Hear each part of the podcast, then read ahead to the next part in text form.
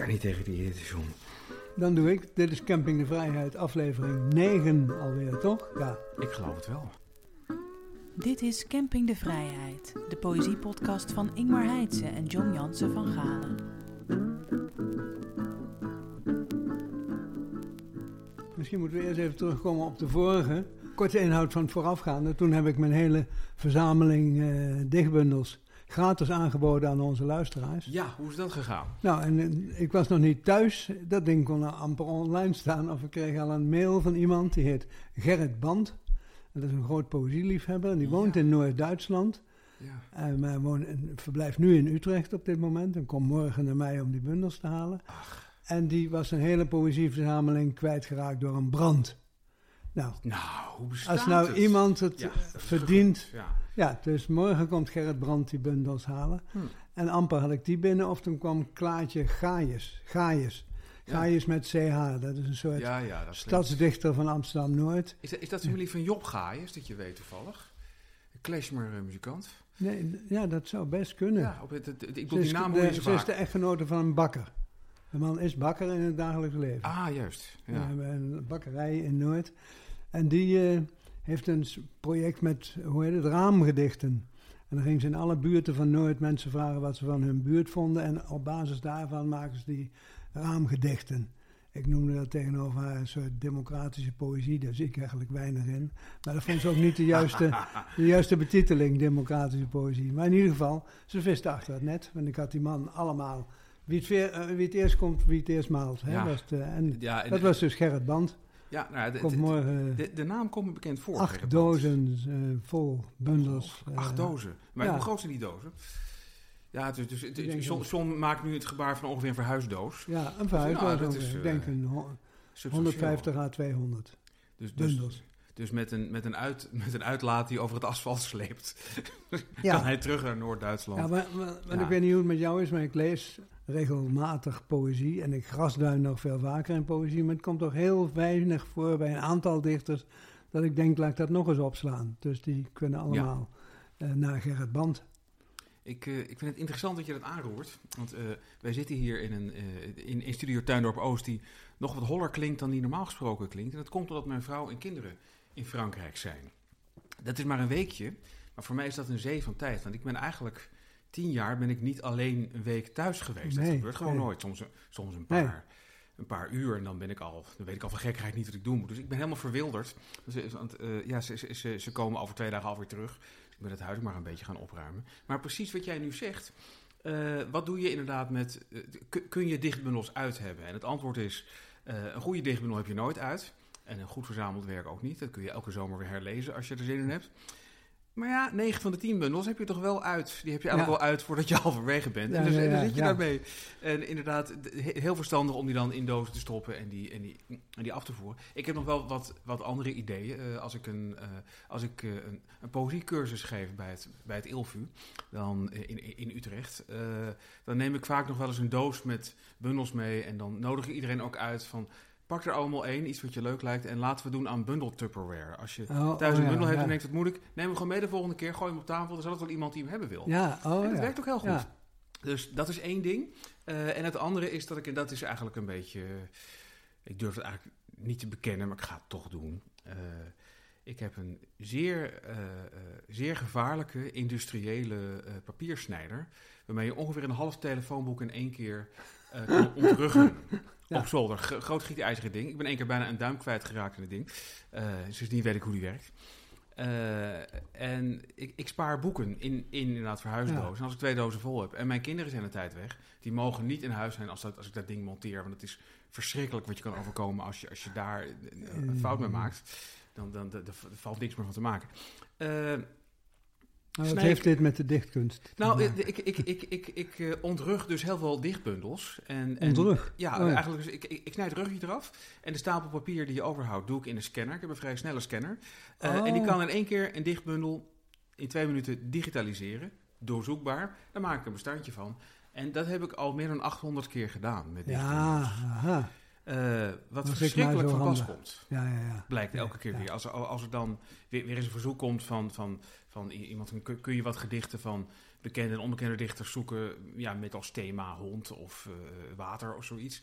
Dan kan ik inderdaad op zoek gaan. zoekfunctie. En, Ja. eh, ja. Vaak weet ik ook wel waar ik zijn moet. Je kan niet al die bundels gaan, gaan doorzoeken van water. Dat is een beetje te suf. Maar dus een paar voor de hand liggende dingen heb je dan al. Ja. En ja, je gaat grasduinen. Dus dat is praktisch. K- Kortom, bij mij zal niet zo vaak een Gerrit Band kunnen aankloppen. Nee. Want ik heb alles zelf al versneden en, eh, en naar de papierbak Gelukkig dat ik er nog ben voor de Gerrit van Gelukkig wel, ja. Wereldman met al die bundels. Mijn, mijn werkkamer slipte dicht. Ze Ja. sturen alles maar eh, bundels toe. Maar ga, ga, ga je hem wel even, misschien met de telefoon of zo, even interviewen? Als je, als je dat... Ik wil, ik wil eigenlijk zijn stem wel even horen in, eh, in de podcast. Ik zal hem morgen interviewen. Ja. Zijn we eigenlijk al begonnen? Ja, hè? Ja, al lang, we zijn bijna weer klaar. Vol verwachting klopt ons hart. Een poëtisch geschenk. Uitpakken. Eh, Max Timmerman, Oh ja. fantastische dichter, heeft eh, samen met Diego Fransens, en ik, ik, ik ken die naam niet, maar dat blijkt een fotograaf te zijn, heeft hij het boek uitgebracht, eh, Koninklijk Circus, een groots land in kleine beelden en versen. En dat zit een beetje in een thema wat je wel meer ziet, namelijk fotografen die het, het, het alledaagse, het onopmerkelijke vastleggen en daar eigenlijk heel veel mee eh, zeggen over de ziel van een land of een Ja. volk of een bepaalde laag van de bevolking. Dus je moet, ja, eh, het, het, zijn, het, het, is, het is een fotoboek met, met gedichten of een dichtbundel met foto's. Net een beetje hoe je het bekijken wil. Foto's zijn prachtig. eh, en inderdaad van een totale alledaagsheid. Bijvoorbeeld, nou, wat zie je? Kun, je- kun je dit... Ja, een, eh, buiten, nee, het is binnen een zitje, zitje een, eh, thee, thee, om thee te drinken. Een hoek, theehoekje, Ja. zou ik zeggen. Ja, Zeg maar, een, een volmaakt, eenvoudig theehoekje met, met, met, met, met precies van die tafeltjes en stoelen die iedereen heeft. ja. Met lampjes. Nou ja. En, en er komt dan een gedicht achteraan. En dat zal ik even voorlezen. ja dat. Zandbank. 60 jaar geleden heb ik de zee voor het laatst gezien. Nog hoor ik haar 's ochtends in de bomen. Dit zand hier is geen land meer. We verfrommelen tot een onderneming. Wie hier woont, werd een aandeelhouder van de minderheid. We droegen posten over, debet naar credit, riepen naar de kouwen: Pas op, vliegende voorzieningen! We begroeven onze koningen in een crypte en vergaten terstond waar ze lagen. Als ik een boom was, dan een paplaurier. In mijn takken hangen herinneringen aan Boudewijn, garnaalvisser met een gezicht als een einder. En ook aan winkelzakjes, zuurgeel als citroenen. Zandbanken, wierbossen. De Herald of Free Enterprise, polderboeren als stoottroepen. Als het koud wordt, dan omarmen we onszelf en ranselen we onze ruggen met netelbossen, losgeslagen armen, karwatsen. Tot het zomer wordt en ge de zee kunt ruiken. Diep in de zon, de gladiolen, het bonenkruid. Wie lang genoeg wacht, die warmt op in zichzelf. Max Temmerman, dat is een Max dichter, hè? Dat is nou Zo, de ja, mythes. En dat boek is echt he- heel leuk. Wat, wat, ik het, wat ik het leukst vind Het is eraan- kostbaar uitgevoerd. Ja, het is, het, het is, klopt. Het is, een- het, is, het is een mooie full-color print. Het is heel Ja. mooi geserreerd gedekt geprint. Eh, gedrukt dus. Eh, die, die, die, die foto's knallen eruit, echt. De gedichten zijn, zijn prachtig. Ik, ik kan dit echt wel enorm aanraden eigenlijk. Ja. Er zijn Ja. veel te weinig van dit soort boeken. En dat komt ook omdat het een... nou ja, dit is, een, dit is commerciële zelfmoord om een boek zo uit te geven. Eh, en ik heb, ik heb het... eh, ik heb het in huis via, via vrouwtje Tuinman. v- v- Ja, via wie ik veel mooie dingen in huis heb gekregen. En ik ben er helemaal weg van. Dus, dus Koninklijk Circus eh, van Max Temmerman en Diego Fransens. En kijk of je daar nog aan kan komen. Eh, want dat is, dat is verdomd de moeite waard. Ja. Mijn geschenk is dit. Is een doosje eigenlijk. Het staat op Ja. dierenrijk. Doosje met grafisch eh, zwart en wit versierd. Mijn dochter zou het meteen uit je handen rukken. Ja. Ja. En daar in, dat doosje zitten dus vijf boekjes. En dat is een en al eh, uitleg van woorden waar eh, dieren in voorkomen. Wat, wat we daar eigenlijk onder moeten verstaan. Speels uitgelegd. Computermuis. Wat is dat voor dier? Stresskip, koffiepet, okselpet. Nou, het gaat maar door. Geluksvogel, dat zijn vijf van die boekjes. Heel geestig eh, vormgegeven en heel geestig uitgelegd waarom, waarom een, een... Nou, kijk er nog eentje. Waarom heet een diarree? Hè, een diarree, wat is dat voor ree? Kroegtijger. nou, en ik kreeg dat als dank omdat wij nu tien jaar, de meeste van ons tien jaar, in de jury hebben gezeten van de VU, Vrije Universiteit, MC, Medisch Ja, Centrum, ja. Poëzieprijs. De instelling heet niet meer zo, want die is inmiddels helemaal gefuseerd met, met eh, het AMC in Amsterdam. Ja, Hoe zoals we dat doen. hoe Ja. dat nou zit, weet Ja. ik niet precies. Wij zeggen nog steeds VU-MC, Poëzieprijs. En dit is samengesteld door Renske Kegel. En Ja. dat is degene die in 2014 voor het eerst die Poëzieprijs heeft gewonnen. Natuurlijk. En, dat is het bijzondere, in 2016 weer. Ja. Dan zou je zeggen, is de jury nou helemaal gek geworden? Maar dat kan gemakkelijk, want de, want de inzendingen worden anoniem beoordeeld. Dus we hebben twee keer uit al die tientallen, waren er bij elkaar honderden gedichten, dezelfde Rinske Kegel ja. als eh, winnares uitgekozen. Ja, En maar die is ook, ook gewoon wel goed, hè? Al heel lang. ja, Ja. maar dit is dus wat ze doet met dat dierenrijk, dat is dus ja, meer een soort proza-gedichten. Hè? Kan Maar, een mag, mag, stukje- mag ik eens kijken? Ik Ja. eigenlijk wel, ik, het is echt een hebben ding. Dus, oh. Ja, dus dat heb ik ding. We hebben het inmiddels ook al vier keer weggegeven. Typgeit. Ten eerste moet over dit dier gezegd worden dat het altijd van het vrouwelijk geslacht is, hoe generaliserend dit ook is. En ik heb een gedicht, dat gedicht waarmee Renske Kegel die eerste prijs heeft gewonnen in 2014, de Ja. eerste keer. En dat heet Slaapje.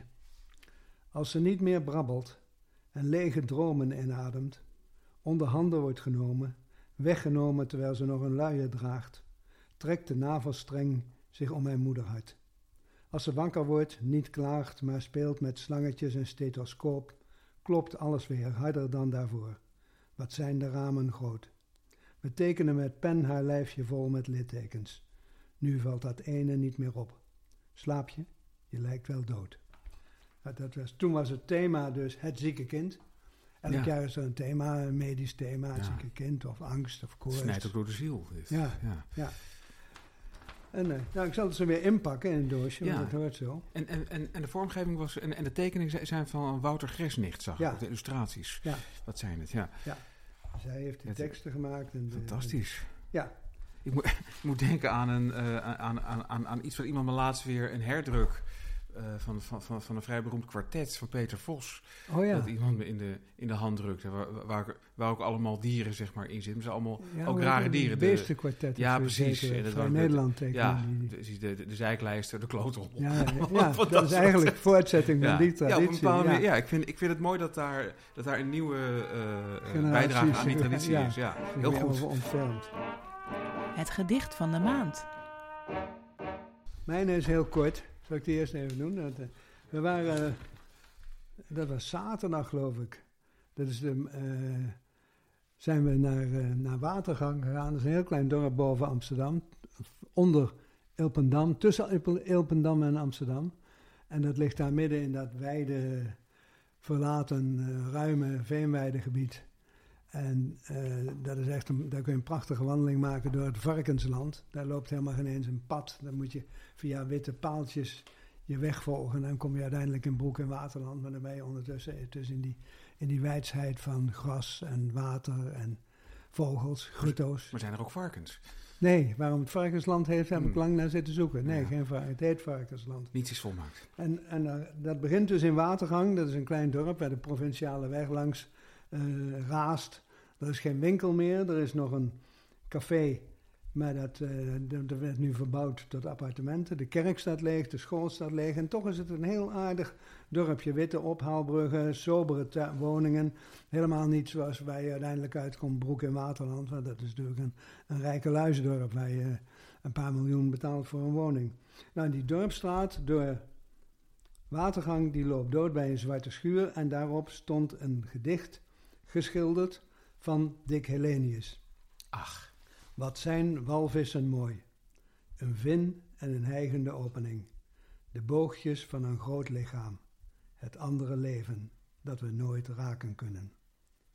Dat staat zomaar op een schuur in. Watergang.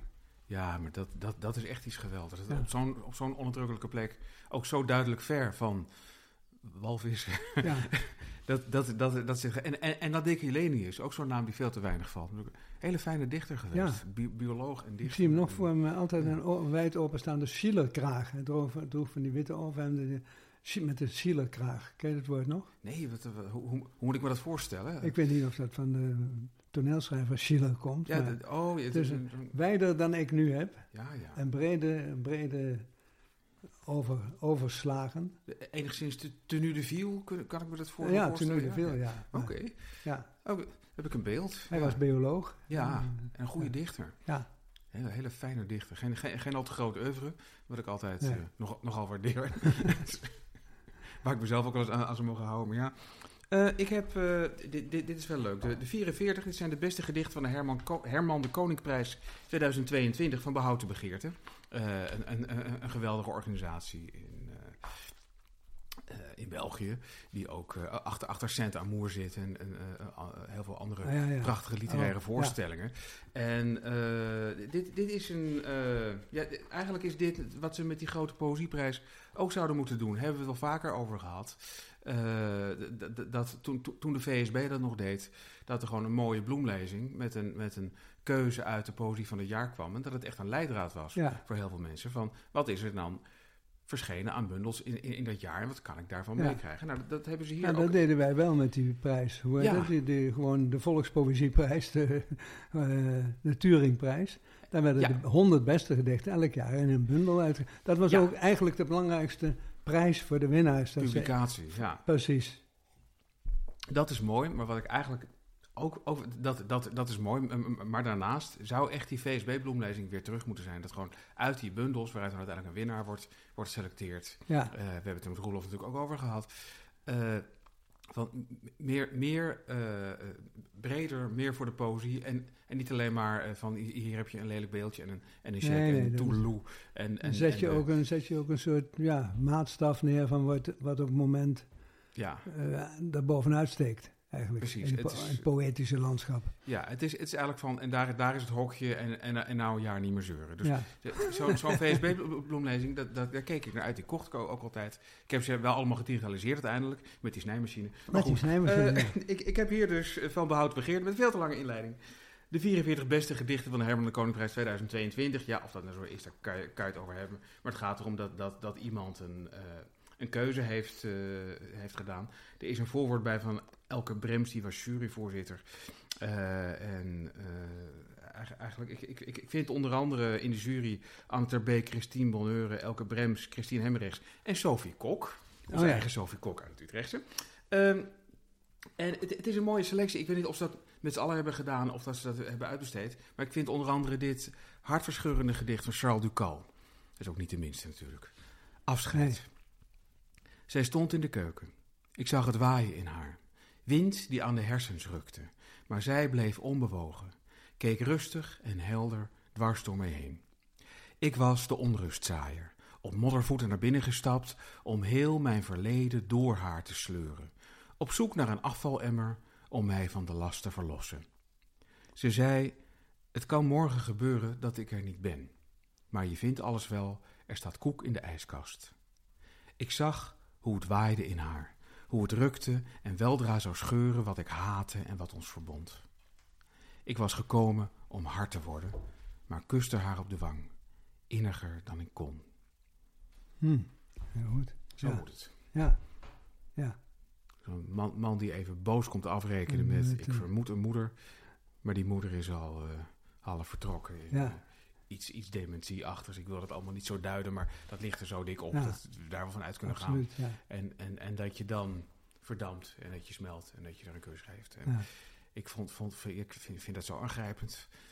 Zo, zo goed gedaan. Het, het, het is allemaal, zeg maar, het, is, het, het heeft ook de bouwstenen van grote poëzie. Je denkt eerst van, hé, hey, dat lijkt wel Nijhoff. En dat is niet voor niks natuurlijk. Ja. We stonden in de keuken, zei en ik. Ik dacht tot dagenlang, vraag het vandaag. et cetera, Ja, et cetera. ja, ja, die. Dit is het spul waar goede poëzie van Ja. gemaakt is. Charles Ducal. Het laatste nieuws.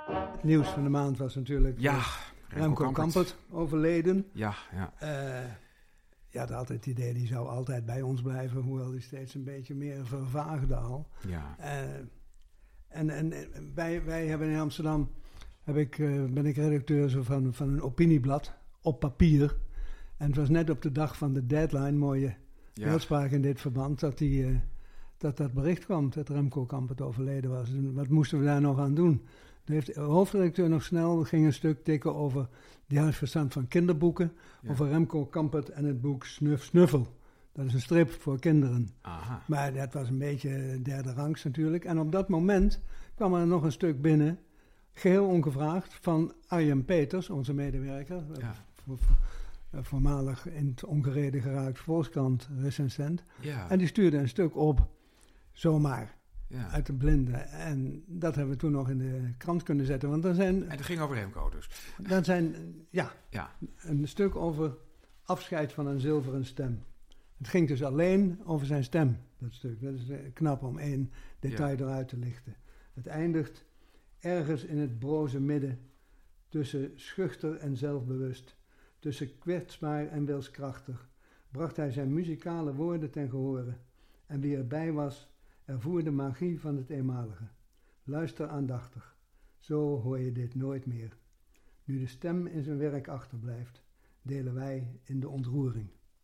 En ik, eh, ik moest sterk denken aan, ik heb ooit nog een aanvaring gehad met Kampert, die achteraf wel veel zegt over hem, misschien ook over mij.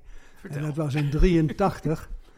Eh Kampert had toen een column in de Haagse Post. Ik geloof dat onze eind- eindredacteur eh Ron Kaal dat bedacht had om dat te vragen. En dat beviel hem goed. In mijn herinnering is hij zelfs in de Haagse Post begonnen met de eh, strip over Sombermans. Oh ja. En diezelfde Ron Kaal vroeg mij, te- suggereerde mij toen ook een omslagverhaal te gaan schrijven over Rudy Kousbroek. Nou was Rudy Kousbroek een vriend van Remco, al van het Amsterdams Lyceum. Ze hadden Ja. een blad dat heette HALO, betekent het Amsterdams Lyceum Orgaan. En Orgaan. daar schreven ze samen in. Ja. En later in 1950 hebben ze het tijdschrift Braak opgericht. Ja. Dus eh, ze waren echt van oudsher eh, bevriend. Maar ons probleem met, met Kousbroek was toen, we hadden hoog tegen die man opgezien, eh, mijn generatie en ik, omdat hij in de, in de jaren van de opstand in Parijs en al die revolutionaire opwinding, in, in boeken als Het Avondrood der Magiërs, drie delen, ontzettend korte metten maakte met alle humbug en Ja. religieuze neigingen en apocalyptische overwegingen. En steeds alles terugbracht tot nuchterheid en rationalisme en een, een nuchter vooruitgangsgeloof. Ja. En het viel ons zo tegen dat 15 jaar later, 83, hij eigenlijk alleen nog maar schreef over zijn jeugd in Nederlands-Indië. En, en verstikt door tranen. Ach, en ja. hij leek te zwelgen in nostalgie. Dat heb ik beschreven. Maar die eindredacteur die heeft daar dus op het omslag van gemaakt. Dat heb ik hier. Zal ik laten zien. Schrik en huiver. Het grote, Zo. het grote janken van Rudy Kuisbroek. Godsamme, nog, eens- nog eens een kop voorop. Waarop dus. Kousbroek heeft prompt, eh, waarop Kampert prompt zijn medewerking heeft opgezegd.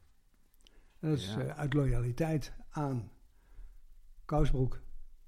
En dat zal de Haagse Post wel gespeten Ja. hebben, want daarna begon zijn carrière als columnist bij de Volkskrant. En, eh, dus dat is een pijnlijke, was een pijnlijke gebeurtenis. Ik, Ja. ik zou zeggen, als ik dat stuk lees, is het een re- een redelijke afweging van hoe iemand ertoe komt om van maatschappelijk kritisch naar eh, persoonlijk nostalgisch zich te ontwikkelen. En, En, maar dit, dit En- gaat wel erg ver. en wie en was dat- een dat- hoofdredacteur? Wie, wie, heeft die kop dan gemaakt? Want het is, Ronkaal, denk ik. Zo, Eh, ja. Die dacht, dat, dat kan wel. Er verscheen toen ook een stuk in de, eh, over deze affaire in Vrij Nederland onder de kop Ja. Portret van een zak. Het was geschreven door Karel Peters, de literaire recensent van. En die zak was ik dus. Dat begrijp je. Dat begrijp je. Ja. En, Maar- en hoe, hoe ben je eruit gekomen uiteindelijk?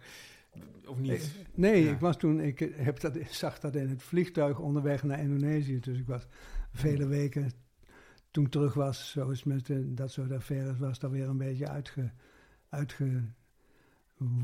Uitgewoed. Dus, eh, Daar heb ik een vervolgvraag over. Want het- het- dit, is, dit, dit is een tijd wat je, wat je al zegt, ja, dan- was je weg met het vliegtuig. En dan was je dus een paar weken was niet bereikbaar. weg, Terwijl ja. nu is, is dat helemaal niet aan de orde Nee, natuurlijk. nee. Iets, iets, iets, iets twittert gewoon door. Ja, er Eh. zijn ouders die zeggen, mijn dochter trekt door Cambodja, ik heb al twee dagen niks gehoord. Ja. Ja, Maken ze zich zorgen. maken ja. zich zorgen. Stom, hè? Maar, ze- maar eh, heeft, eh, heeft dat voor, voor zo'n zaak, zo- zo'n zo'n zo'n affaire, zo'n boetade, ja, wat is het eigenlijk, zo'n fitty, heeft, heeft dat dan gevolgen? I- i- Dan heb je ook het idee dat het eigenlijk gewoon net, net zo lang duurt tot het volgende nummer is uitgekomen. En verder is er natuurlijk niet zoveel, omdat er... Een paar Ja. weken misschien, maar ik kwam Ja. niet meer in een café in Amsterdam en ik ontmoette die mensen Nee. niet. En als er op de redactie over nagekaaid werd en wie de schuld moest hebben, eh, dan was ik daar ook niet bij. En inderdaad had je niet de mogelijkheid of de, eh, om daar met elkaar. Nee, 83, Ja. dat is 40 jaar geleden. Tja. Ja, om daar met elkaar eens over eh, van gedachten te wisselen. En, en, en, en, en heb je Kousbroek nog wel eens ontmoet? Is dat, of, of, Ik heb Kousbroek geloof ik nooit meer ontmoet. Remco wel. En die, ja, voornamelijk niet onvriendelijk, maar afstandelijk. Maar dat deed hij misschien wel tegen iedereen. Nou, eh, ja, ik ben, ik, ben, ik ben niet iedereen, maar ik heb hem een paar keer meegemaakt. En, en ik ken een hoop mensen die hem vaker meegemaakt. Iets verlegens, soms Ja. iets, iets afstandelijks. Was wel, het, was Ja. zo iemand die duidelijk aan de zijkant stond en keek. Ja. Eh, in plaats van als een soort stralend middelpunt, hossend met iedereen. Zeg maar, eigenlijk een beetje het tegenovergestelde van, van, van Willeke Alberti. Waar, waar- waar ik gisteren bij was, haar afscheidsconcert in, eh, in het concertgebouw. Die, die iedereen meteen omhelst, zeg maar letterlijk. En eh, nou, ja, Remco Kampert, Willeke Alberti. Heel verschillende persoonlijkheden, ook hele andere dingen gedaan. Ja. Maar, maar allebei grootheden. En ja, en, en, en ja, Kampert is, is er niet meer. Dat, dat vind ik wel spijtig. ja. Eh, en tegelijkertijd eh, eh, ben ik altijd erg, sowieso heb, heb ik erg die neiging, misschien omdat ik te veel een blije eikel ben, maar als iemand 92 wordt en zoveel fantastische dingen heeft neergezet, dan, dan Dan, ben ik meer geneigd om dat te vieren. En te Ja. denken, het, het, het, het- de rouw en, en het leed en de sterkte moet naar familie en nabestaanden gaan. ja. En wij lezers moeten gewoon vieren dat al het prachtige werk er is. We moeten dat uit de kast drukken en we moeten dat weer lezen. En, en blij zijn dat die man er was. Weet je nog dat, Daarom. dat toen, toen, toen, eh, toen David Bowie stierf, heeft, een, heeft een, een, een, iemand, er hoort een naam bij, maar die weet ik even niet meer. Een jongen die heel groot fan was, een heel beroemd geworden tweet in de wereld gestuurd. En die hield eigenlijk in van, nou we kunnen nou wel verdrietig zijn, moet je je voorstellen dat, dat, zeg maar, dat de aarde al zo lang bestaat. Hoe klein de kans is dat je in dezelfde tijd hebt mogen leven als David Ja, Bowie. En laten we daar dan blij mee zijn. Nou, dat heb ik dus een beetje met Remco Kampert. Daarom, daarom eindig ik nu nog maar met een gedicht van Remco Ja, Kampert. fijn. Een ander dan die, dat lamento wat steeds werd afgedrukt bij alle herdenkingsartikelen. Dit heet Zelfs Morgen, Zelfs Morgen. Zelfs morgen leef ik nog, zodat je niet hoeft te vertwijfelen. Leef ik nog in mijn haren en nagels, die ook groeien zonder hart. Zelfs morgen leef ik nog in bevingerde boeken en oude sokken, die je nu bent vergeten onder in de kast, in mijn voetstappen van heden. Zelfs morgen leef ik nog, glimlachend op de tong van een vriend, sierlijk geschreven op mijn geboortebewijs, dat je krijgen kunt in Den Haag. Zelfs morgen leef ik nog, precies zoals vandaag, door voorwerpen en mensen bewezen, en aan en voor mijzelf een vraag. Ten Ja. voeten uit. Mooie keuze. Ja. ik. ja. Het hele dichterschap zit daar goed in, vind ik. Ja, gedicht. ja. Goh. En het doet, doet het met jou persoonlijk nou, nou, nou nog heel veel? Het, het, het overlijden van Kamper. Toch iemand, nou ja, een halve generatiegenoot van je. ja zeker. Ja. ja. Nee, dat, dat bepaalt je wel dat van die hele generatie er steeds minder overblijven. Hij is de laatste van die vijftigers. Ja. En eh, van een volgende generatie waar ik mee heb te maken, Armando en zo, zijn ook al steeds meer dood. Vinkenhoog, die ik goed gekend heb, Kouwenaar. Ja. Ja, inderdaad, wordt het eh, steeds stiller om je heen. ja. Nou ben ik in die categorie nog een van de jongeren. Maar dat, dan ben ik wat later aan de beurt voor dat eh, grote afscheid nemen. ja.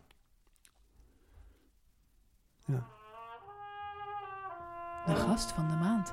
John en Ingmar praten met een coryfee uit het land van de poëzie.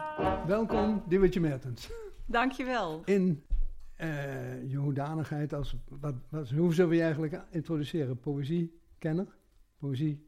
Ik ben recensent ehm, en journalist. Ja. Ja. En bloemlezer. En bloemlezer. K- Critica voor het parool. De- Ja. Niet, niet, eh, niet, niet de minste plek om iets over poëzie te mogen zeggen. Ik ken je volgens mij sinds je achttiende of zo. En toen was je al bezig met dit soort dingen. Ja, dat klopt. Toen was ik nog wel aan het studeren. Ja. Maar eh, toen hebben we elkaar ontmoet. Ik was 17 zelfs. Ja. Daar is nog een foto van. Toen waren we ook bezig met, toen ging ik een radio-opname maken. Toen ging ik jou interviewen, Ingmar. Daar is Echt nog een foto van gemaakt. Heel erg lelijke Polaroid. Dat had ik met zo'n gigantische opnameset. Zo'n ja. dalet eh ding. Oh, Weet je, zo echt, die je dan mee moest dragen. Heel zwaar waren die. En eh, het heeft vrouwtje Tuinman heeft daar een foto van gemaakt. Want die ging dan weer een stukje voor het trajectum schrijven. Ja, want die, die, die had een Polaroid, die had een Polaroid Ja, rubriek. ja. Die maakte ook een Die Polaroid foto, foto's ja, van. Ja. ik nog wel eens Even verduidelijken, wat is trajectum? Dat is een eh, studentenblad. Oh, en bloemlezer, zei hij. Ja, Gedichten over mannen. ik heb een paar ik, eh, bloemlezingen gemaakt. Onder andere gedichten over mannen, toch? Ja, ik heb dat samen gedaan met Chrétien Breukers. Ja. Een ehm, bundel gedichten voor mannen, gedichten voor vrouwen. Daar zou je nu niet meer mee weggekomen, denk ik. Hoe, hoe lang is dat geleden alweer? Ja, dat is, wanneer was dat? Dat denk ik toch al wel tien jaar geleden. Ja. En eh, Dichters uit de Bundel, dat gaat over podiumpoëzie. Oh ja. Maar dat eh, was samen met Breukers? Ja. Eh, hoe liep dat? Want het heeft een soort reputatie van lastbak. Nou ja, da- daar had ik natuurlijk geen last van. Omdat je Oh, samen... nou, wij, wij maakten samen een bloemlezing, ja. Ja, ja, ja. En ehm, hij heeft veel kennis van poëzie. Hij kent veel ook Zeker, obscure ja. Vlaamse Ja. dichters. Dus dat was Ja. eigenlijk heel erg leuk. Ja. ja, en je maakt een podcast, toch? Net als wij, Heb of- ik een tijdje gemaakt in de lockdown-periode. Die heette Met Open Mond en dat deed je met Erik-Jan Hermans. Ja, en dat was naar een bundel van hem. Ja, precies. Ik Ja. ken die Ah. titel, ja. Ja, en ik vond het zo'n goede titel dat ik dacht, nou, dan moet de podcast ook maar zo heten. Ja, en de ambitie was aanvankelijk om dat wekelijks te doen. Maar dat is, lijkt me... Nee, we Goed. hebben het echt heel veel gedaan. Maar dat was in, ehm, ik weet niet, was dat de eerste of de tweede lockdownperiode? Volgens mij de tweede lockdownperiode zijn we begonnen. En we deden het toen om de dag. Ja, het was heel veel. Dan zat ik, terwijl Ja. mijn kinderen beneden ruzie aan het maken waren, zat ik boven op mijn slaapkamer die podcast op te nemen. Want het idee was dat we dan elke dag een eh, gedicht aan elkaar voorlazen en daar iets over zeiden. Ja, ja. En later hebben we ook wel een paar afleveringen samen gemaakt. eh, toen we weer ook eh, bij elkaar mochten komen. ja. En nou, we hebben dat een paar maanden volgehouden. Maar het was naar- onbetaald en heel veel werk. Ja. Dus ik bedoel, ik monteerde het ook allemaal zelf. En ja, ik heb wel goed geleerd om te monteren in die Ja. tijd. Ja, ja. Ik moet dit, dit natuurlijk weten, maar John die bereidt altijd alles voor en ik zet alleen maar koffie eigenlijk. Ehm, Nou ja. is, is dat nog ergens te horen? Is, is dat nog online? eh, Ja, het moet vinden. nog op Spotify staan. Ja. Ja We zetten het in de show notes, dat zetten we er altijd bij, want het staat zo professioneel. Nou, leuk. En eh, je werkt dus samen met niet de minste dichters, of hebt dat in elk geval gedaan, met Christian Breukers, Erik-Jan Harmers. Schrijf je zelf ook gedichten? Ja, die heb ik ook. Ja. Eh, Ja. maal je met gras voor de voeten weg, man. Ja, Schrijf je zelf ook gedichten? ook wel, ja. Nee, sinds mijn twaalfde niet meer. Oh, Nee. En Ik dat heb... moeten wij geloven. nee, dat is echt zo. Ik, eh, ik ben geen groot dichter. Ik ben hopelijk wel dat? een goede poëzielezer. ja. Ja, dat weet ik gewoon. Ik, ik, ik denk ook niet in poëzie. Dat, ja, dat heb je of dat heb je niet. Ik, ik ben er wel gevoelig voor en daarom lees ik ook graag poëzie. Maar ik heb zelf helemaal niet de neiging om te dichten. Nee. En misschien komt het nog, je weet het niet. Er zijn er minder van jou dan van ons. Het is veel bijzonderder dan, dan, dan dat iemand wel een groot gevoel heeft voor poëzie en een verstand van heeft. Ja. Maar zeg maar zelf niet, niet, niet dicht, dus niet zelf ook nog aan dat, aan dat standbeeldje voor zichzelf aan het hakken is. Eh, dus dus Nee, maar er laat- zijn laten we dat eh, in, in, in ere houden. Er zijn diverse poëzierecensenten, besprekers die wel zelf dichten. Hè? Maria Barnas, Marjane Mhm. de Vos, eh, Rob Schouten. Is, schrijft, dicht Janita Monna ook of niet? Volgens mij niet. Nee, ik heb zitten Zo zoeken. zeldzaam is het. Ja, Diertje Mertens en Janita Monna. En Ja. verder is de meeste zijn er. Piet Piet Nee. Gebrandi ook dichter. Gebrandi, ja. Arjan Peters sinds, sinds, sinds relatief kort ook. Hou je dat een beetje bij wat die collega's doen eigenlijk? Die, Ja, dat hou ik Ja. wel bij. Ehm, ik probeer nooit recensies te lezen als ik zelf een bundel nog ga bespreken. Want dan blijft dat toch een beetje in mijn hoofd zitten. Dus Ja. dan ga ik het achteraf wel vergelijken. En dat vind ik ook erg leuk om te doen. Maar ehm, ja, dus ik hou het bij. Maar ik lees alleen als ik er zelf nog niet over eh, heb geschreven. Je zei als ik zelf een bundel Ja. moet gaan bespreken, maar dat maak je toch zelf uit? Of maakt... Ja, maar dan nog. Ja, oké, maar je kan toch Ja. in de planning staan Ja. dat je dan een Ja. bundel klaar hebt liggen om te gaan bespreken. En als ik dan zie dat dat... eh, Nee, maar ik ben benieuwd naar die selectie van die bundels. Want ik heb dus net eh, in de jury van de Grote Poëzieprijs gezeten. Net als je collega Maarten Mol. En dat zijn er dus 100 per jaar ongeveer. Ja. En ik denk dat er in het parool niet veel meer dan 26 per jaar eh, besproken kunnen worden. Dus dan moet je... nog een ruime schatting, denk ik. ja, nog een ruime schatting. Ja. Dus wat is je sele- selectiecriterium dan? Wanneer wordt een bundel... Rijkt je de Ehm, kolommen van het parool, zou ik maar zeggen. Nou ja, ik heb bijvoorbeeld Mustafa Stitou meegenomen. Dat vind ik een heel goede dichter. Dus dan, en die publiceert ook niet veel. Ik was heel erg benieuwd naar zijn nieuwe bundel. Dus ehm, nou ja, mensen die sowieso al bekend zijn en met iets nieuws komen, dat kan een reden zijn eh, voor een bespreking. Ja. Ehm debuten is natuurlijk ook altijd interessant, maar ik heb wel, ehm, ik bespreek alleen een debuut als ik denk het is echt de moeite waard. Ik vind het niet nodig om een debuut, ja, als ik het eh, doorlees en denk nee, het is heel slecht, dan ga ik het niet bespreken. Nee. Ehm, dat, Want, ik- want het neersabelen is natuurlijk ook niet... dat is te hard. Ja, Ja, met in de buurt natuurlijk. ja. Ja. Ja, soms heb je dat er eh, door een uitgever heel hoog van de toren wordt geblazen over eh, bepaalde debuten. Dus dan gaat bijvoorbeeld een bekende Nederlander eh, die normaal iets anders doet, Ja. gaat schrijven. En dan Noem- heb noem ik een wel, Tim ja, weet je. Hofman. ja, bijvoorbeeld. Ja. Dat zou wel een reden kunnen zijn om te bespreken, want dan wordt het met zo'n eh, zoveel eh, bombast aangekondigd. Dan Ja. kun je het als krant bijna niet laten liggen. Nee. Ja, ja. Dus ehm, zo maak ik een beetje een selectie. En ik, eh, ik, ik kijk gewoon wat ik opgestuurd krijg. Ik kijk in de eh, prospectus en eh, wat lijkt me interessant. Wil je iets lezen van die Mustafa Situ? Ik had een kort gedicht geselecteerd. De bundel heet Waar is het lam? En de hele bundel staat eigenlijk in het teken van... ehm, nou ja, wat gebeurt er op het moment dat een vader bereid is zijn zoon te offeren? Met open ogen, maar zonder te zien... kijkt vanuit een tijltje de ramskop toe. Macaber en vriendelijk. Hoe zijn lichaam hangt uit te bloeden. Aan de achterpoten opgehangen in de boom. Als een jas van vlees. Een stil leven waaruit zo nu en dan een druppel bloed lekt en op de grond tikt, als een verlaten, gestolde seconde. Vakwerk. Ook wel, ja. Ja, dit is, eh, ik heb dit gedicht gekozen omdat het iets eh, eh, refereert naar de titel. En er zitten ook wat langere gedichten in die niet zo rechtstreeks ehm, naar de titel verwijzen. Ik heb andere bundels meegenomen. ja. Eh, Was, eh, Warsenshire, Een zegende dochter, vertaald door Radna Fabias. Ik weet niet of jullie die al hadden Nee, gezien of nee, besproken. Nee. Ehm, ja, zij is een, eh, ehm, geboren in Kenia als kind van Somalische ouders. Eh, ze woont in Engeland, dus de gedichten zijn ook in het Engels geschreven. Oh, Jammer genoeg eh, zijn de Engelse gedichten niet opgenomen in de bundel. Ja, ik vind dat altijd, als er sprake is van een vertaling uit het Ja. Engels, dan denk ik, zet Ja. het Engelse gedicht er gewoon naast. Maar volgens mij is het wel goed vertaald door Radna Fabias. Ik heb een paar gedichten online opgezocht om te kijken hoe de vertaling was. ja, ja. En, Maar je hebt ehm, erover geschreven of je gaat ik erover heb, er, schrijven? ik heb er al over geschreven. Ik was er erg enthousiast ehm, over. Zij is ook bekend van eh, Beyoncé's album Lemonade. Eh, hoe hoe zit is dat dan? eh, de tekstschrijver geweest van de Ah. meeste teksten van dat album. Nu ben ik zelf niet zo'n Beyoncé-fan, moet ik heel eerlijk zeggen. Maar ik, ehm, ik, was, eh, ehm, ik was benieuwd wat dit dan zou zijn. Een Engelse slamdichter en, ehm, die dan vertaald wordt in het Nederlands. Ja, Ja. Heb je toch ook zekere verwachtingen bij. Dan moet het wel heel goed zijn. Moet ik een gedicht uit voorlezen? Ja. Alsjeblieft. De Abu Bakr meisjes zijn veranderd. De zomer dat de Abu Bakr meisjes weer thuiskomen, zitten we in een kring bij de appelboom in hun moeders tuin. Ze lijken alle vijf ouder. Amels verharde tepels drukken door het paisley van haar blouse. Minaretten die mannen oproepen tot aanbidding. Dochter is een synoniem van verrader, mompelt hun vader in zijn slaap. Voordat ze vertrokken waren we hetzelfde. Onze kippenborsten rammelden. Beeldjes in lange rokken, wachtend om onze honger tegemoet te groeien. Een van hen duwt mijn knieën tegen elkaar. Zit als een meisje. Ik vinger het gat in mijn korte broek. Schaamte verwarmt mijn huid. Juaria, mijn leeftijd, leunt voorover en fluistert: Ik ben voor het eerst ongesteld geworden. Haar haar komt in mijn mond als ik dichterbij probeer te komen. Hoe voelde het? Na de ingreep leren de meisjes weer lopen. Zeemeerminnen met nieuwe benen.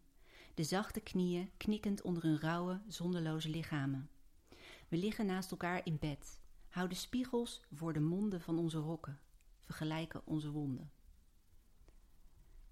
Ik weet niet of eh, direct duidelijk wordt waar dit gedicht eh, over Nou, gaat. dat, dat, dat begrijpen we wel. Ja, dat dacht ik wel. Ja, Ja. ja. Eh, de. Somalische cultuur eh, is natuurlijk eh, vrouwenbesnijdenis een ja. thema. Nou, Maar ik vond eh, ehm, de monden van onze rokken, vergelijken onze wonden, dat soort Zo. beelden, vond Ja. ik zo sterk. Of eh, de meisjes leren weer lopen als zeemeerminnen met nieuwe benen. Dat, heel ja, mooi, ja, ja, dat- ja. En ehm, ja, heel veel van die gedichten, dan denk je, er gebeurt eigenlijk niets bijzonders in de taal. En dan komt ze ineens Mm, met zo zo'n beeld op de Ja. proppen. En ja, daar viel ik heel erg voor. Dus ik vind het een heel goede bundel. Zegende dochter, vertaald door Radna Fabios. Het, het klinkt ook als een klok, vind ik, die vertaling. Althans, wat je, wat je nou voorlas. Ja, Het is omdat die- sowieso herschept tot een geweldig gedicht. Wat ik eigenlijk het belangrijkste vind bij, bij, bij vertalingen, of het nou precies is wat er staat. Het- Ja. Ik wil een gedicht lezen in een nieuwe taal. ja, Als de rest ook zo is, dan, dan is het echt een meesterwerk. ja. Maar toch had jij het origineel erbij willen hebben. Het Engels. Ja, dat wil ik altijd. Als, als ik het zelf kan lezen, wil ik ook zien hoe die vertaling is uitgepakt. Want Mhm. soms dan maakt de vertaler ook een keus eh, waarvan ik denk, ja, nou, ik ben geen vertaler, maar ik had wellicht een andere keus gemaakt omdat het eh, te ver van het origineel vandaan ligt. Of dat de zin, eh, het ritme klopt echt helemaal niet meer of zo. Nee. Nou ja, dat Ja. soort dingen, dat wil je kunnen zien. Ook omdat je, natuurlijk als je poëzie bespreekt, wil je ook iets over een vertaling kunnen zeggen op het moment dat je een Nederlandse vertaling bespreekt. Dat is waar. Ja. Ja, ik Nou, weet niet, ja. misschien hebben jullie deze ook al wel besproken. Dat heb ik niet teruggehoord. De Tijd is een moeder van Ocean Vuong. Dat is overigens ook een vertaling. Ik was er aangenaam door verrast. Ehm, hij schrijft ook proza. Hij heeft een, een brief aan mijn moeder geschreven. Kennen jullie dat boek? Hebben jullie ervan gehoord? Het is een hele, hele Nee, bekende titel, nee. nog niet gelezen. Ja. Nee. Ja, ik, eh, ehm, ik kocht het eh, in een boekhandel in Londen. En ik, eh, ik was eh, helemaal overdonderd hoe goed het was. Het is, hij, in zijn ehm, roman schrijft hij een brief aan zijn moeder. En eh, eh, hij vertelt eigenlijk eh, ehm, ja, dat hij homo is. En zijn moeder spreekt geen... Die spreekt wel Engels, maar die, die leest helemaal niet. Ja. Die is ongeletterd. En het gaat eh, over de, ja, de moeilijke jeugd die hij heeft gehad. Hij is eh, opgegroeid in een moeilijk gezin. Maar het is heel ontroerend dat hij zijn ongeletterde moeder zo'n lange brief schrijft. En dit is eigenlijk een ja, voortzetting op die roman, maar dan in poëzievorm. Sneeuwtheorie. Vandaag is de beste dag ooit. Niets heb ik gedood sinds 2006. Buiten de duisternis, nat als een boreling. Ik maakte ezelsoren in het boek en dacht direct aan masturberen. Hoe keren we terug tot onszelf, anders dan door de bladzijde om te vouwen en zo de spannende passage aan te wijzen? Op tv staat alweer een land in brand. Wat blijft is dat wij kwijtraakten. In de sneeuw mijn moeders dorre silhouet. Beloof me dat je niet nog eens verdwijnt, zei ik. Een poosje lag ze daarover na te denken. De huizen deden één voor één hun lichten uit. Ik ging liggen in haar silhouet om haar te bewaren. Samen maakten we een engel.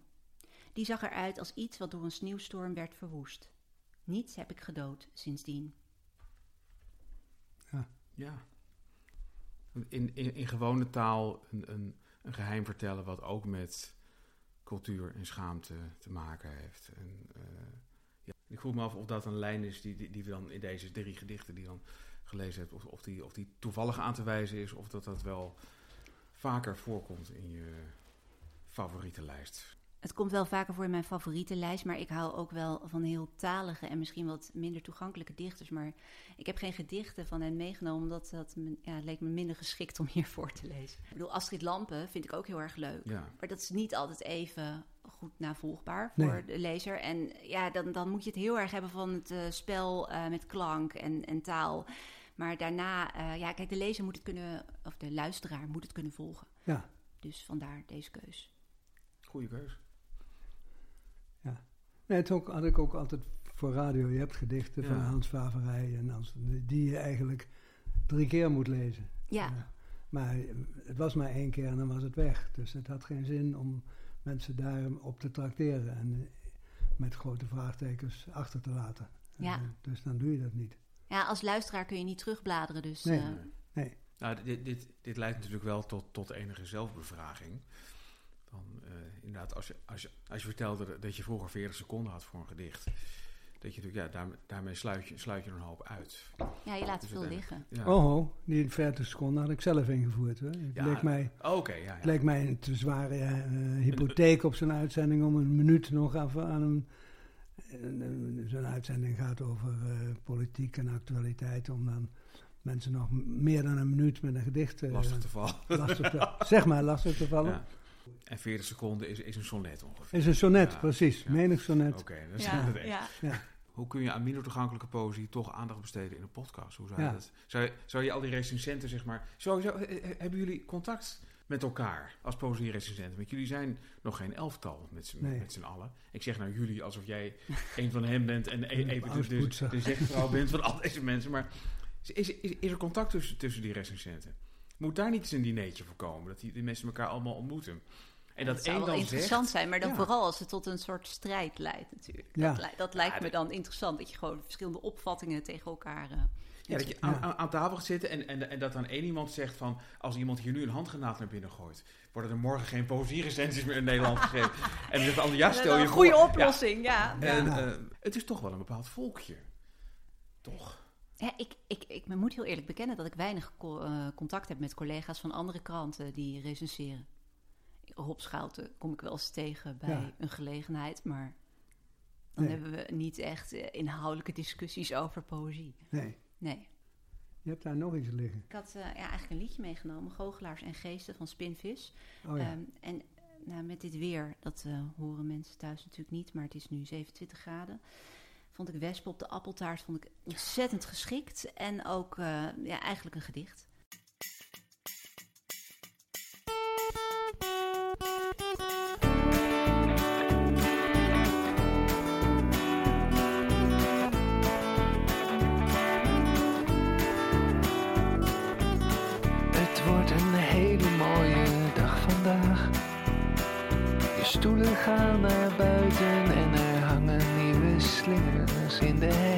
Meneer van Ouwenaar zet alle dingen recht.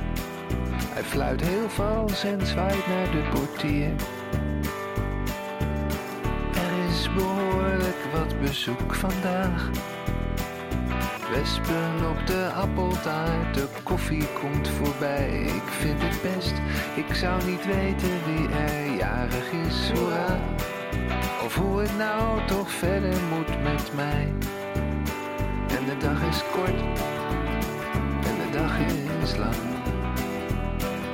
S'avonds zijn er stemmen en een liedje op de gang. En ik doe precies wat de dokter zegt. Goed je groente eten en niet te laat naar bed. Niet met die pen, niet op de grond, niet elke keer, niet in de zon, niet op die toon,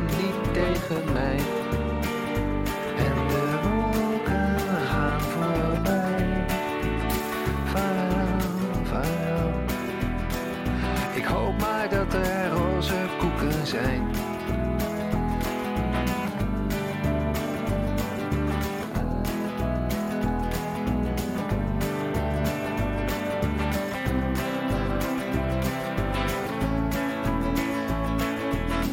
Het wordt een hele mooie dag vandaag.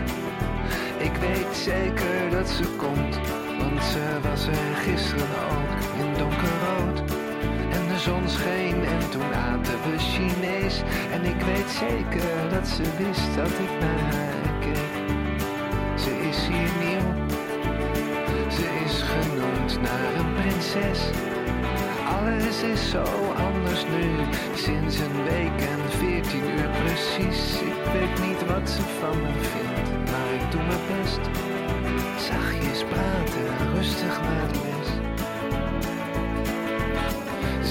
Zo stil, we drinken thee, het is al laat. Ze neemt haar pil, die neemt haar veilig mee en zacht. Naar het einde van de nacht. Slaap wel, slaap wel. Ik hoop maar dat ze nooit zo droomt als ik.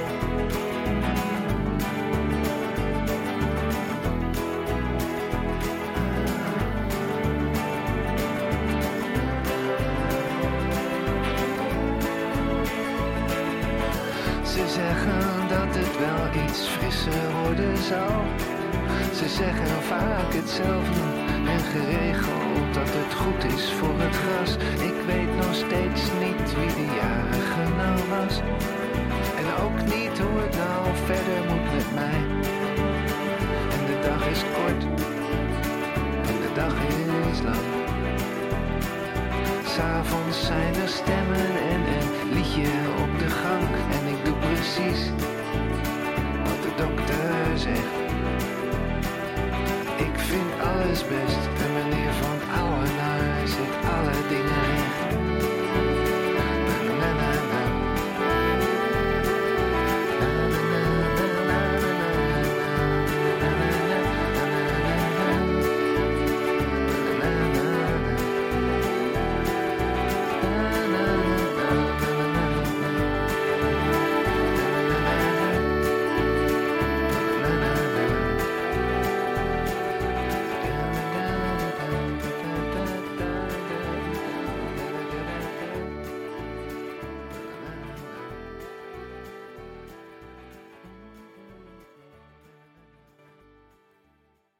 Wespen op de appeltaart. Wespen op de appeltaart. Want wat heel grappig is, ja, ik heb daar ooit een bachelorscriptie geschreven over ehm, de liedjes van Spinvis. Ehm, die ging, ik- ik ging kijken naar postmodernisme in de liedjes van Spinvis. Nou, dat is natuurlijk eh, volop aanwezig. En dat was een idee van jou. Echt waar? Ja, niet dat postmodernisme, maar Nee, jij ik zei, dacht al, ik kwam jou Ik niet eens wat tegen. het is. Ik kwam jou tegen bij een eh, poëziefestival, ehm, het Huis van de Poëzie. Het was een heel leuk festival, dat bestaat niet meer. Dat je in Utrecht, dat was op aparte locaties. Ik geloof dat het een keer in de Munt was. Zeker. En ehm Zonneborg. Dat was de eerste. Ja, nou, Ja, daar, daar, daar was ik toen en daar ging Spinvis ook optreden. En ik wist dat ik moest toen een onderwerp vinden voor mijn scriptie. En toen zei jij, waarom doe je het niet over spinvis? Toen dacht ik, ja, waarom ook niet? Verdomd. Hey. Heel Wat goed. heb ik toch goede ideeën Ja, super goede Ja. ideeën. Dus daar heb ik toen een scriptie over geschreven. En ehm, ja, ik beschouw zijn eh, liedjes, zijn liedteksten eigenlijk. eh, ja, dat zijn gewoon gedichten. Dat vind ik ook, maar waarom vind jij het? Omdat het gelaagd, eh, gelaagd is. En ehm, ja, zijn, de manier waarop hij te werk gaat, doet er misschien niet zoveel toe. Maar hij eh, pikt overal soundbites op. En die, ja, dat is een soort eh, ehm, montagetechniek. Hè? Hij Ja. zet dat allemaal achter elkaar. En dan krijgt zo'n gedicht betekenis en een lading. Heel bekend is het ehm, liedje Ronnie gaat naar huis. Ja. En nou ja, iedereen, iedereen denkt dat het over een verstandelijk beperkte jongen gaat. Ja, Tenminste, dat eh, vertelde Erik de Jong, die heb ik ook een keer Oh geïnterviewd, die vertelde mij dat toen. En dat, dat, maar eigenlijk, dat wordt nergens gezegd. Maar het is wat je tussen de regels doorleest. Het is een betekenis die je zelf toevoegt. En dat zit in al die liedjes van hem. Dat Ja. zit ook in Wespen op de appeltaart. Want daar krijg je ook het idee dat het gaat over iemand die, ehm, nou ja, geestelijk niet heel erg stabiel is, laat ik het zo zeggen. Ehm, er worden ook pillen genomen Ja. in het lied. Maar er wordt niet bijgezegd wat voor pil. Hè? Ja. Is het een vitaminepil? Nou, volgens mij wordt er een slaappil gesuggereerd ook. Ja. Maar eh, ik heb mijn pillen nog niet op vandaag. Ja, iedereen Ja. denkt natuurlijk dat eh, meteen ja, dat dat eh, ehm, eh, pillen zijn eh, voor een psychiatrisch patiënt. Maar dat, nou, dat wordt niet gezegd. Dus er wordt veel gesuggereerd en dat wordt niet uitgesproken. Dus dat is de reden waarom ik eh, zijn gedichten, ja. Zijn liedjes als gedichten interpreteer. Niet zozeer in den beginnen, maar aan het einde was er het woord. Van Rogier Proper. Roestpap. Dit is zeker geen verdwijnend woord, eerder het omgekeerde, want het is een vrijwel nog nooit gebruikt woord. En wat niet bestaat, kan ook niet verdwijnen. Maar nu dus wel. Een mooi gezicht ook nog, roestpap. Martijn kleedde zich in zijn achtertuin geheel uit, tot hij er in zijn volle bleke naaktheid bij stond als de dood van Pierlala, en liet zich enigszins trillend, langzaam in de diepe kuil zakken waarin hij de afgelopen uren het roestschraapsel van vier vergane oliedrums had verzameld, vermengd met slaolie en water. Kortom, roestpap. Dat was weer het woord van Rogier Proper. Dankjewel, Rogier. Eh, we gaan, we- shout-out naar Rogier Proper, want we gaan ook binnenkort weer eens eh, vragen of je wat nieuwe woorden wil, eh, ja. wil opsturen. Want we beginnen een beetje droog te staan, tevens. Jij schreef een keer een soort essay, zal ik maar zeggen, voor de Poëzieweek. Met als stelling dat het verschil tussen spoken word en poetry slam steeds geringer werd. Dat is een, drie jaar geleden. Ja. Dan zou je kunnen zeggen, inmiddels is dat verschil dus waarschijnlijk wel verdwenen.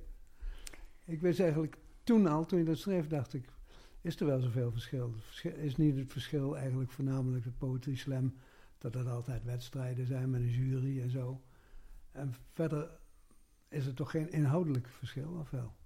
Nou, ik, ik volg die slams al jaren en het valt mij altijd op dat ehm, zeker in Nederland zijn die slams, slams heel erg gericht op het uitbrengen van een bundel. Daar heb ik ook wel eens met jou over Ja. gesproken. Eh, dus je ziet dat het vaak wat ja, literairder is. Het klinkt Ja, ja. onvriendelijk, maar ehm, terwijl spoken word gaat meer over, eh, het, over het voetlicht brengen van een boodschap, het uitdragen van een boodschap, Ja. vaak ook over identiteitskwesties. Nou, Dus, ehm, zeker. Ik ben één keer in New York ehm, in, eh, eh, god, hoe heet dat café nou? Bekendste, waar de Poetry Slam is ontstaan. ehm, New York Poets Café. Ehm, god, ik moet het eigenlijk Ik ben ook nooit zoeken. geweest. Nee, ik ben daar een keer geweest en dat was in ieder geval ehm, heel erg politiek. Dus ehm, er kwam een zwarte vrouw op het podium en die nam het op voor de rechten van zwarte vrouwen. Mhm. Ehm, er kwam een eh, moslim eh, op het podium, die nam het op voor moslims. En zo ging, het was heel erg op identiteit en heel ja, pamflettisch eigenlijk. Het klinkt Ehm, afgrijzelijk. Ja. Ja, ik vond het ook ik, vo- ik, vo- ik vond het ook niet goed, maar ik vond het wel boeiend om te zien. Ja. Omdat je dan wel goed kunt zien, want daar, daar is het eigenlijk eh, ontstaan en dat is naar Nederland overgewaaid. En hier lijkt het er niet op. Hier heb je meer, het lijkt soms een beetje op stand-up comedy. Hè? Dus je hebt Ja. mensen die heel graag grappig willen zijn.